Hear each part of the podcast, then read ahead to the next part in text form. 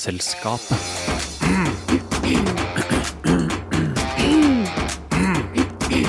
Vitenselskapet. 2015 er så vidt over, men det skal handle om året som har gått her i Vitenskapet, fordi vi skal snakke om nyvinninger, oppfinnelser og annet spennende som skjedde i nettopp 2015.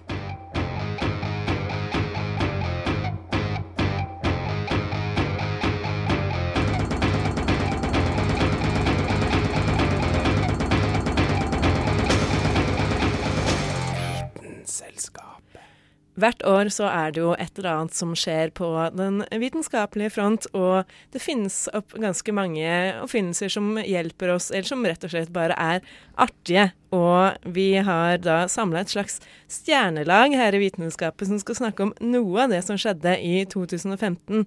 Og ved min venstre side her sitter du, Hanne. Du kan presentere deg selv. Ja, hei. Eh, takk for at du kalte meg en uh, stjerne, Kristin. Det, Det det skulle varmer. bare mangle. Og der på min høyre side har vi da Carl Adams Kvam. Hei, hyggelig. Jeg er ikke fullt så svak for smisk, men uh, hyggelig å være her. Og jeg veit at du setter pris på litt grann smisk, Carl. Men uh, uansett så kan vi bare fortsette, fordi det er snakk om 2015 i dagens Vitenselskapet. Å vite vet Vitenselskapet.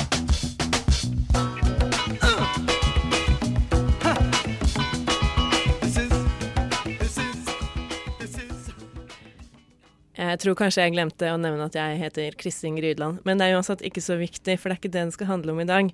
Det skal nemlig handle om eh, sollys. Ikke sant, Hanne? Ja, eh, vi skulle jo se litt på oppfinnelser fra 2015, eller vitenskapelige gjennombrudd.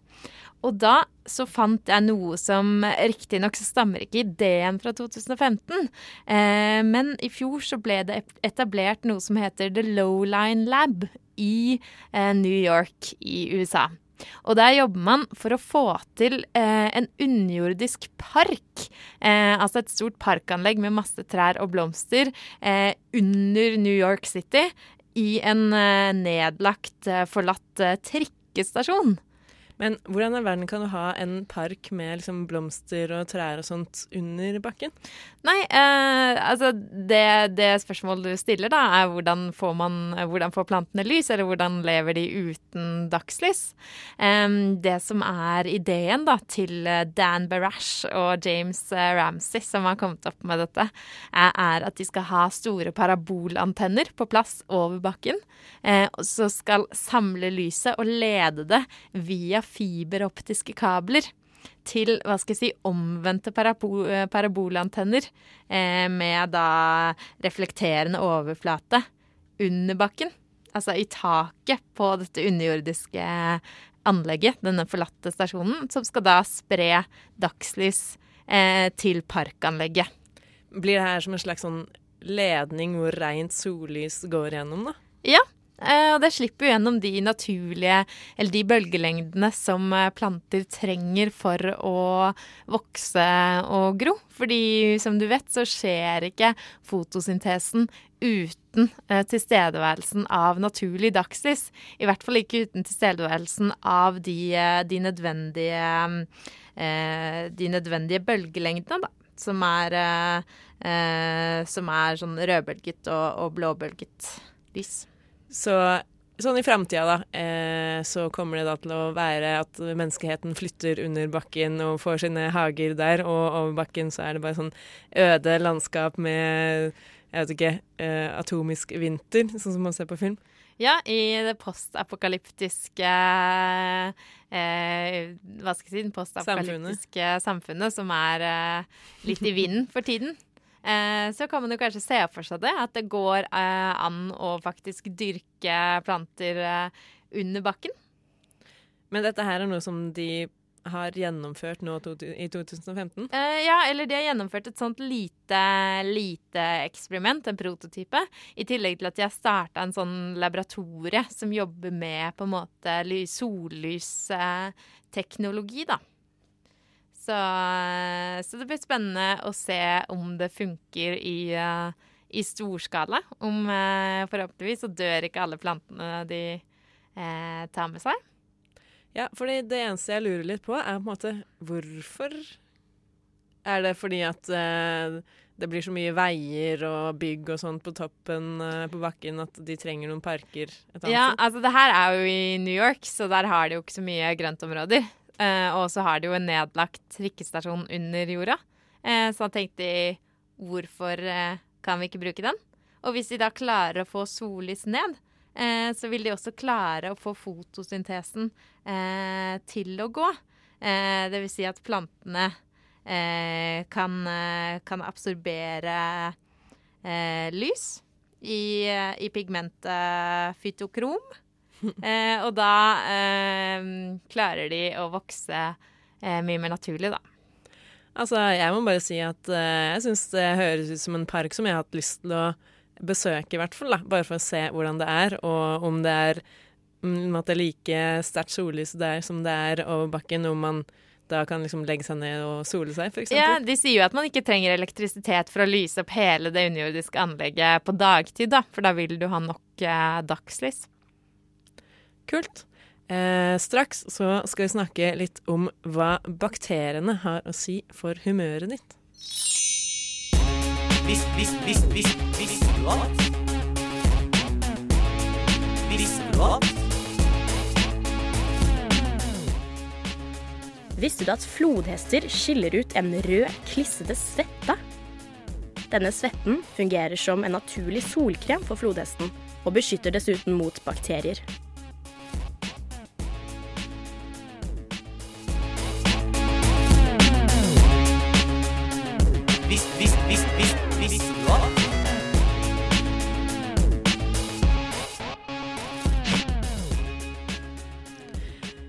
Altså, jeg må ærlig talt innrømme at jeg kanskje ikke er i mitt beste humør i dag. Eh, og jeg trodde egentlig at det var fordi at jeg klarte å søle litt vann på Mac-en min tidligere i dag før jeg kom hit.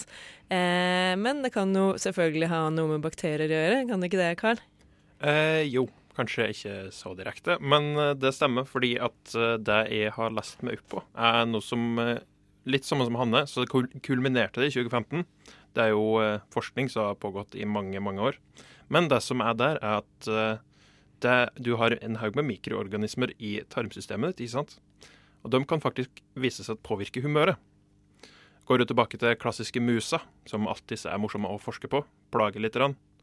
Eh, I det som, ble, eh, det som kom i 2015, det eksperimentet, så hadde de mus som hadde ganske clean bakteriesystem. Dette er jo genetisk eh, endra mus som eh, har ganske, ganske lett å kontrollere. Så hadde de eh, noe Eller de hadde tester der de putta musa i vann for å se hvor lenge den svømte før den bare ga opp. De hadde to forskjellige typer mus. Tok dem og bytta bakteriekulturen på musa. Og det endra helt hvordan de oppførte seg. De bytta personlighet. Bare du bytta bakteriekulturen i magen deres. Så det de gjorde, var på en måte å tømme alt innholdet i magen, og så putte en, an, noe andre ting inn i, andre bakterier.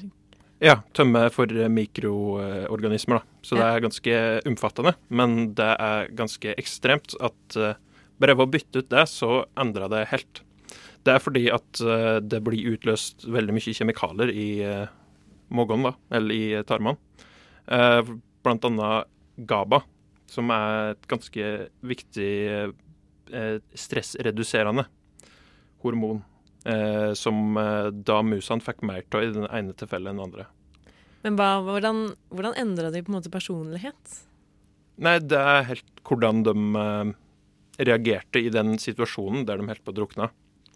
Og de har òg gjort studier på folk, men det er statistisk innsamling. Eh, det var en norsk studie faktisk, som eh, viste seg der det var noen bakteriekulturer viste seg å ha en ganske sterk sammenheng med depresjon. Og det er, det er jo veldig interessant forskning. Det har òg vært gjort eh, studier med autisme, sammenhenger der. Og det er bare litt vanskelig å ta inn over seg, kanskje. For at vi er vant til å tenke at hjernen, er det er der det sitter. Det er det som er, det som er personligheten. Men det er ganske mye mer komplekst enn som så. Så kanskje på en måte personligheten vår sitter i magen da, istedenfor i hjernen. Det gir magefølelse en helt ny betydning. altså. Det gjør faktisk det. Jeg bare lurer litt på hvordan de samla inn det datagrunnlaget fra mennesker. Eller det er jo litt vanskeligere å, å, å nesten drukne mennesker, kanskje, som det er å drukne mus. Ja, det var vel mer sånn standard eh, innsamling av data, spørreundersøkelse.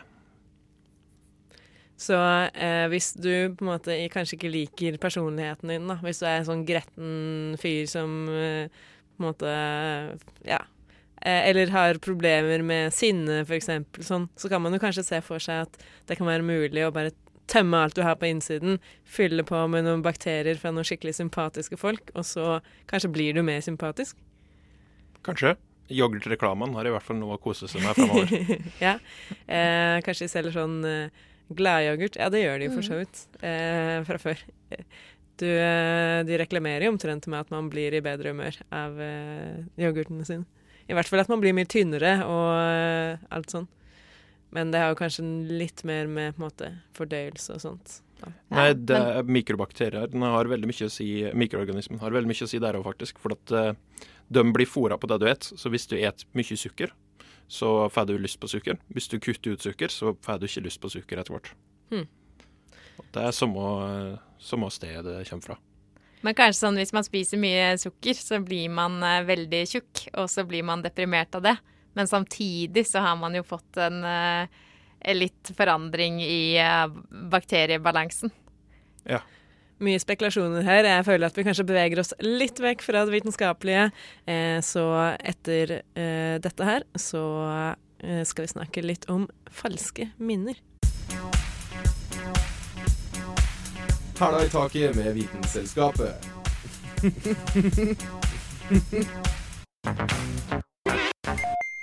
Men Karl, Carl, det skal ha fremdeles egentlig handle om mus, skal det ikke det? Fordi du har funnet en annen liten sak. Ja, det er jo alltids eh, moro å plage noen mus. Så ikke, da kan en jo bare ta stikke noe strøm inn i hjernen på dem, eh, rett og slett. For det er noe forskning som skjedde i 2015, der de eh, planta falske minner i hodet til mus mens de sov. Ok, Hvordan, hvordan planta de falske minner eh, i hodet deres? Nei, det ligger jo veldig mye arbeid bak, da. Kartlegging av musehjerner. Og så um, fant, har de funnet ut ganske nøyaktig hvor de skal ha plante minnet. Jeg vet ikke helt hvor personlig, hvis det skal være helt ærlig. Men uh, så putta de eh, inn uh, elektroder. Og kjørte på med litt strøm. Ok, Og dette gjorde at det, den musa fikk et annet minne som ikke var reelt, da? Ja, fordi det de gjorde da, de så hvordan den musa reagerte på et eller annet stimuli dagen etterpå. Siden det var en klovn, da, for eksempel, så var ikke den klovnen eh, skummel for den musa dagen før. Men eh, etter den har fått planta minne, så var den skummel plutselig. Men ok, for et minne, det er jo I hvert fall for mennesker så er det ofte ganske sånn komplekst. Men for de musene her så var det vel kanskje et litt mer sånn no, Jeg husker noe frykt. Ja, det er vel litt enklere som eh, fryktrespons, ja. Og eh, siden det er litt enklere å drive med mus, har de klart å vri på hukommelsen hukommelser på litt forskjellig vis. De har klart å skru minner på og tå.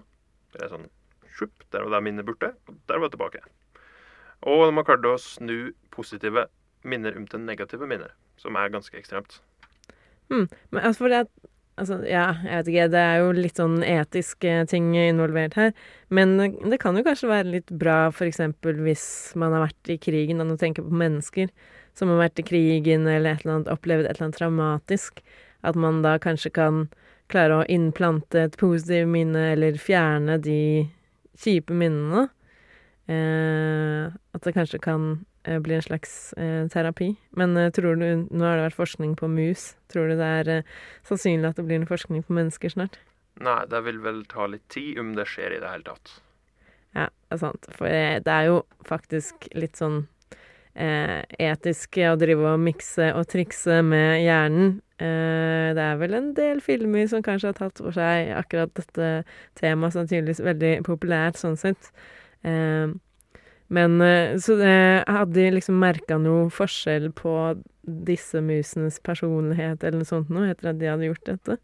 Eh, ikke som jeg har funnet Um, det er vel sikkert ganske vanskelig å bare treffe ett spesifikt minne, vil jeg tro. siden ting er så sammenvevd. Så eh, hvis du faktisk har hatt en person, så vil jeg tro at du har sett eh, litt sånn rare, usammenhengende endringer og sånn. Ok, da kan vi kanskje anse dette her som en lukket bok. Eh, ja, eh, dere skjønner kanskje overgangen eh, som jeg prøver på her snart. For det skal nemlig handle om noe litt bokrelatert. Visst, visst, visst, visst, visste du at?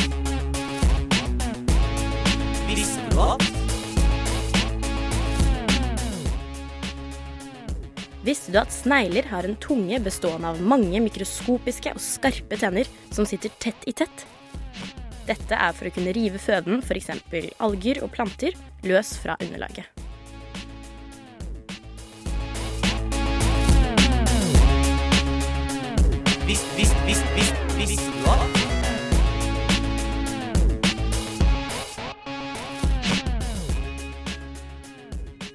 Den eh, neste saken vi skal snakke om, er egentlig en bok som da på en måte kom ut i 2015. Og det høres jo ikke så veldig eh, spesielt ut, men det som er spesielt med denne boka, er at den handler om vann, eller rensing av vann. Eh, så man kan jo da lese om eh, vannrensing i denne boka, men den boka kan også faktisk rense vann. Eh, og hvordan det fungerer, er at det er rett og slett mange vannfiltre som er satt sammen i en bok. Og så står det på sidene eh, sånne ting som eh, eh, Ikke drikk vann med avføring i. Eh, ikke drikk eh, vann som dyr har drukket av også.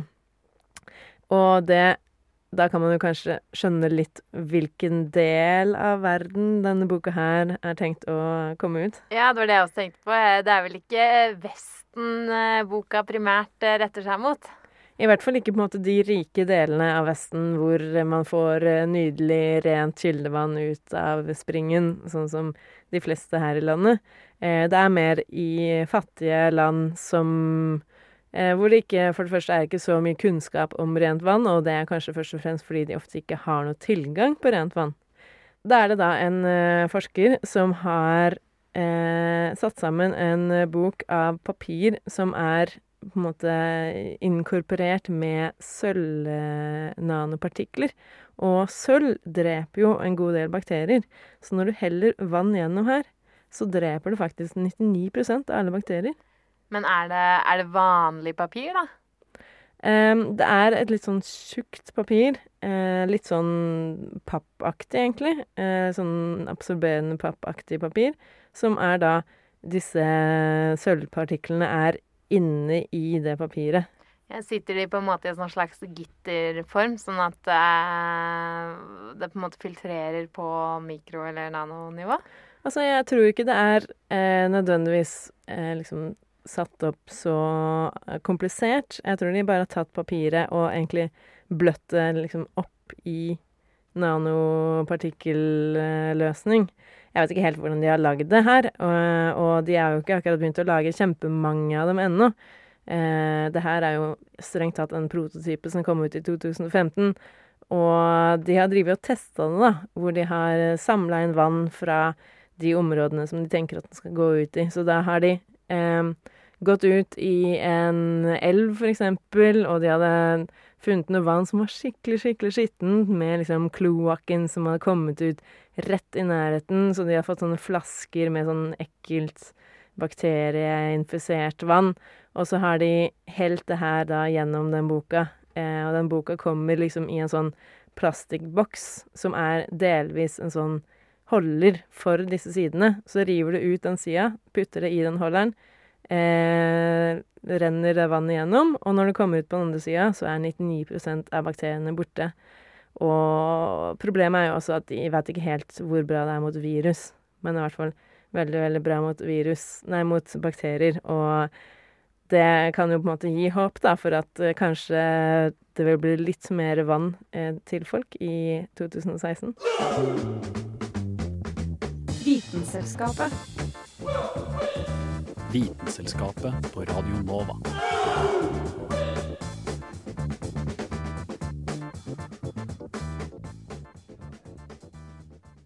Så nå har vi jo på en måte snakka litt om rensing av vann, eh, eller renhet av vann, eh, så nå kan vi like så godt snakke litt om renhet av mat. På Ja. en måte, Hanne. Ja, for fra en god oppfinnelse i 2015 til en annen. Det kom en eh, prototype eh, av en eh, liten elektronisk sak som er en måler som måler gluteninnhold i matvarer. Eller mat, da. Så den er Den ser kjempefin ut. Den er som en liten trekant du kan ha i veska. Så putter du maten oppi da når du er på restaurant, gitt at du er glutenallergiker. Etter to minutter så forteller denne, eh, denne lille trekanten deg, Nima som den heter, eh, om det er gluten eller ikke i maten. OK, men hvordan er det? Hvordan får den til det? Eh, Den eh, bruker teknologi som er funnet opp av forskere fra MIT, Stanford, Google og Nike. Eh, hvor eh, inni, inni denne måleren så har du masse eh, immunoglobiner, altså antistoffer. Eh, disse immunoglobinene naturlig i kroppen vår, eh, så dannes de av hvite blod, blodlegemer når det kommer en trussel inn i kroppen, altså en antigen. Og det som er eh, hemmeligheten her, er at de immunoglobinene de har en spesiell form på enden, på tuppen. Og hvis det kommer et antigen, eller en, altså, noe giftig inn i kroppen med samme form, så binder det antigenet seg til immunoglobinet, fordi de har motsatt form, som to puslespillbrikker, og så ødelegges de. Så på en måte som eh, den motsatte delen av et puslespill, eller Ja, akkurat ja, som hvis- en eh, puslespillbrikke. Eh, og det som skjer da, når eh, du har eh, De har klart å finne opp immunoglobiner som binder seg til gluten. Eh, gluten kan jo i noen tilfeller ses på et antistoff. Det er ikke alle som tåler eh, gluten. Og når eh, Eller et antigen, mener jeg. Og når gluten da kommer inn i måleren, så binder det seg til disse immunoglobinene. Og så de danner et kompleks eh, som eh, resulterer i et, et fargeskifte. OK, så det som skjer, er at i denne boksen så er det på en måte en pus puslespillbrikke som mangler. Så når du putter mat inn der, og det inneholder gluten, så vil gluten fungere som den puslespillbrikka, gå inn på den plassen, og da skifter boksen farge. Ja, eh, eller selve boksen skifter jo ikke farge. Eh, det er en, eh, et fargeskift som fanges opp av eh, en elektronisk detektor. Eh, og eh, det resulterer i at det enten dukker opp et smilefjes utapå Nima, dvs. Si at det ikke er noe gluten der, eller et surt fjes, og da betyr det at det er gluten i maten som du har putta oppi der, da. Altså, det her kan jo det, det høres jo ut som det ikke nødvendigvis bare trenger å være om gluten, nå som de på en måte først har funnet opp en sånn mekanisme, at de kanskje kan klare å få den til på tenker det er mange som er allergiske mot f.eks. nøtter og sånne type ting. Ja, og det er jo neste skritt for disse forskerne i, eh, bak det her, da. Nå så skal de fokusere på melk og peanøtter. Så kanskje om litt så har man en detektor for alle allergener. Det høres jo ut som utrolig gode nyheter for de som faktisk er allergiske og må være litt redd når de er på restaurant. Eh, veldig spennende å se om det kommer til å skje i 2016. Nå skal vi i hvert fall få litt romnyheter med Johanne Furuseth. Vi avbryter den ordinære sendingen for å bringe deg verdens romsnytt.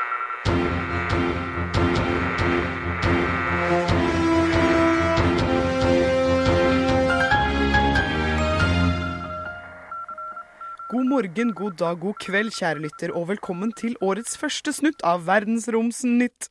2015 var et år så spekket av staselige begivenheter at Sverre Goldenheim måtte fylle seg ei ørlita fløyte med dumpa og satt seg pent ned. Sit down. Vi skal se tilbake på de 365 dagene som har gått her på jorda, som for øvrig er 876 dager på Jupiter. Tid er relativt, dere. Selv har jeg relativt bare fire minutter på meg, så vi sparker i gang. Hele 87 utskytninger har funnet sted i 2015, hvorav nesten alle var suksessfulle. Unntatt fem. Yay! Men de mest spektakulære bragdene gjort i romfart er uansett grunnet oppskytninger som skjedde for mange, mange år siden. Deriblant har vi fartøyet Cassini, som er oppkalt etter astronomen Giovanni Cassini. Babepo, babepo, torbeto, limone. NASA og ESA sendte ut farkosten i 1997 for å besøke planeten Saturn. Den ankom i 2004 og har siden den tid vimsa rundt gasskjempen, og noen av dens 62 måneder. I oktober hadde Cassini en historisk nærme forbiflyvning av den lille månen Enceladus, som er geologisk aktiv, og har siden februar hatt forbiflyvninger av både Saturns største måne, Titan, og en ganske mye mindre måne, primært av is, nemlig Dione. Cassini har så langt kunnet avdekke ishav av metan på Titan med underjordiske sjøer av ammoniakk, mens Enceladus sine enorme geysirer av is har bidratt til utrolige bilder som Cassini har sendt hjem. For fartøyet gjenstår det nå et siste oppdrag som skal vare ut 2017. Saturn går inn i sitt sommerhalvår. Det betyr at Cassini har observert alle sesongene hos gasskjempen. En langtekkelig og strabasiøs ferd med full uttelling var NASAs New Horizons. Dette er det første fartøyet som har passert dvergplaneten Pluto og sendt utrolige bilder av en iskald og rødlig verden. En av 2015s virkelig store bragder. Selv om Pluto mistet sin planetstatus i 2006, da disse stjernenerdene tok en innertier på den niende planeten så det bare ble åtte planeter igjen. 1, 2, 3, 4, 5, 6, 7, 8, 9, 10 og 11, 12. Hæ? Ja. Betyr det ikke at minstemann Pluto ikke er interessant? Pluto er av interesse for forskere da den har eksistert i dypfrossen tilstand i 4,5 milliarder år, og kan derfor si oss noe om hvordan jorda ble til. Reisen ut til ytterkanten av vårt solsystem tok ni år. Om bord hadde New Horizon med seg et avansert kamera som sender hjem høyoppløselige bilder av Plutos geologi, kalt Lorre. Sorry, Lorre. Put a potato in my trolley. What? NASAs Kepler-fartøy oppdaget i juli en planet som er lik vår egen. Det kan derfor finnes liv der. Liv Ullmann? Liv Signe Navarsete, spør du? Nei, men det, det vet man faktisk ikke. Gjetningen om livsformer kommer av at eksoplanetens posisjon i sitt solsystem er i the habitable zone, eller the Goldilocks zone, som de også kaller det. En akkurat passe avstand fra en stjerne til at vann kan ansamle seg. Oppdagelsen av denne eksoplaneten ble nummer 1030 gjort av Kepler, som per i dag har steget til 1039 bekreftede eksoplaneter. Tjo hei! Her hjemme har vi også kunnet være vitne til mye gratis himmelsnacks, så ille artig at det ikke så ut i måneskinn, si. Blant annet Norges største solformørkelse på mange tiår, samt en blood moon, altså en måneformørkelse under en superfullmåne. Ja, men fortvivel ei, 2016 blir ikke noen våt klut, det heller. Derfor så vil jeg jo melde om et par gøyale ting som kommer i 2016. Tiden er derfor inne for å smelle ned pumpen og smelle opp penn og papir og føre blekk på blokka. First up er våre fem nærmeste naboer som steller seg opp på linje før soloppgang. Dvs. Si Jupiter, Mars, Saturn, Venus og Merkur fra nord til øst vil alle være å se på nattehimmelen. Spektakulært. Vi vil få se en langvarig Merkurpassasje den 9. mai, samt Perseidene, aka årets beste meteorsverm, som piker i august. Så da gjenstår det bare for meg å si fra brunstjerna til månetoppen, Johanne Furuseth, over og ut. Vitenselskapet.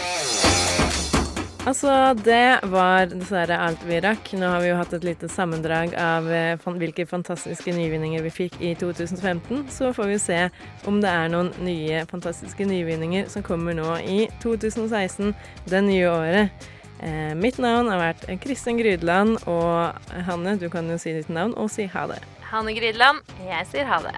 Og Carl? Carl Adams Kvam, signing off. Greit. Vi er tilbake med mer vitenskap i neste uke. Du hører nemlig på Vitenselskapet.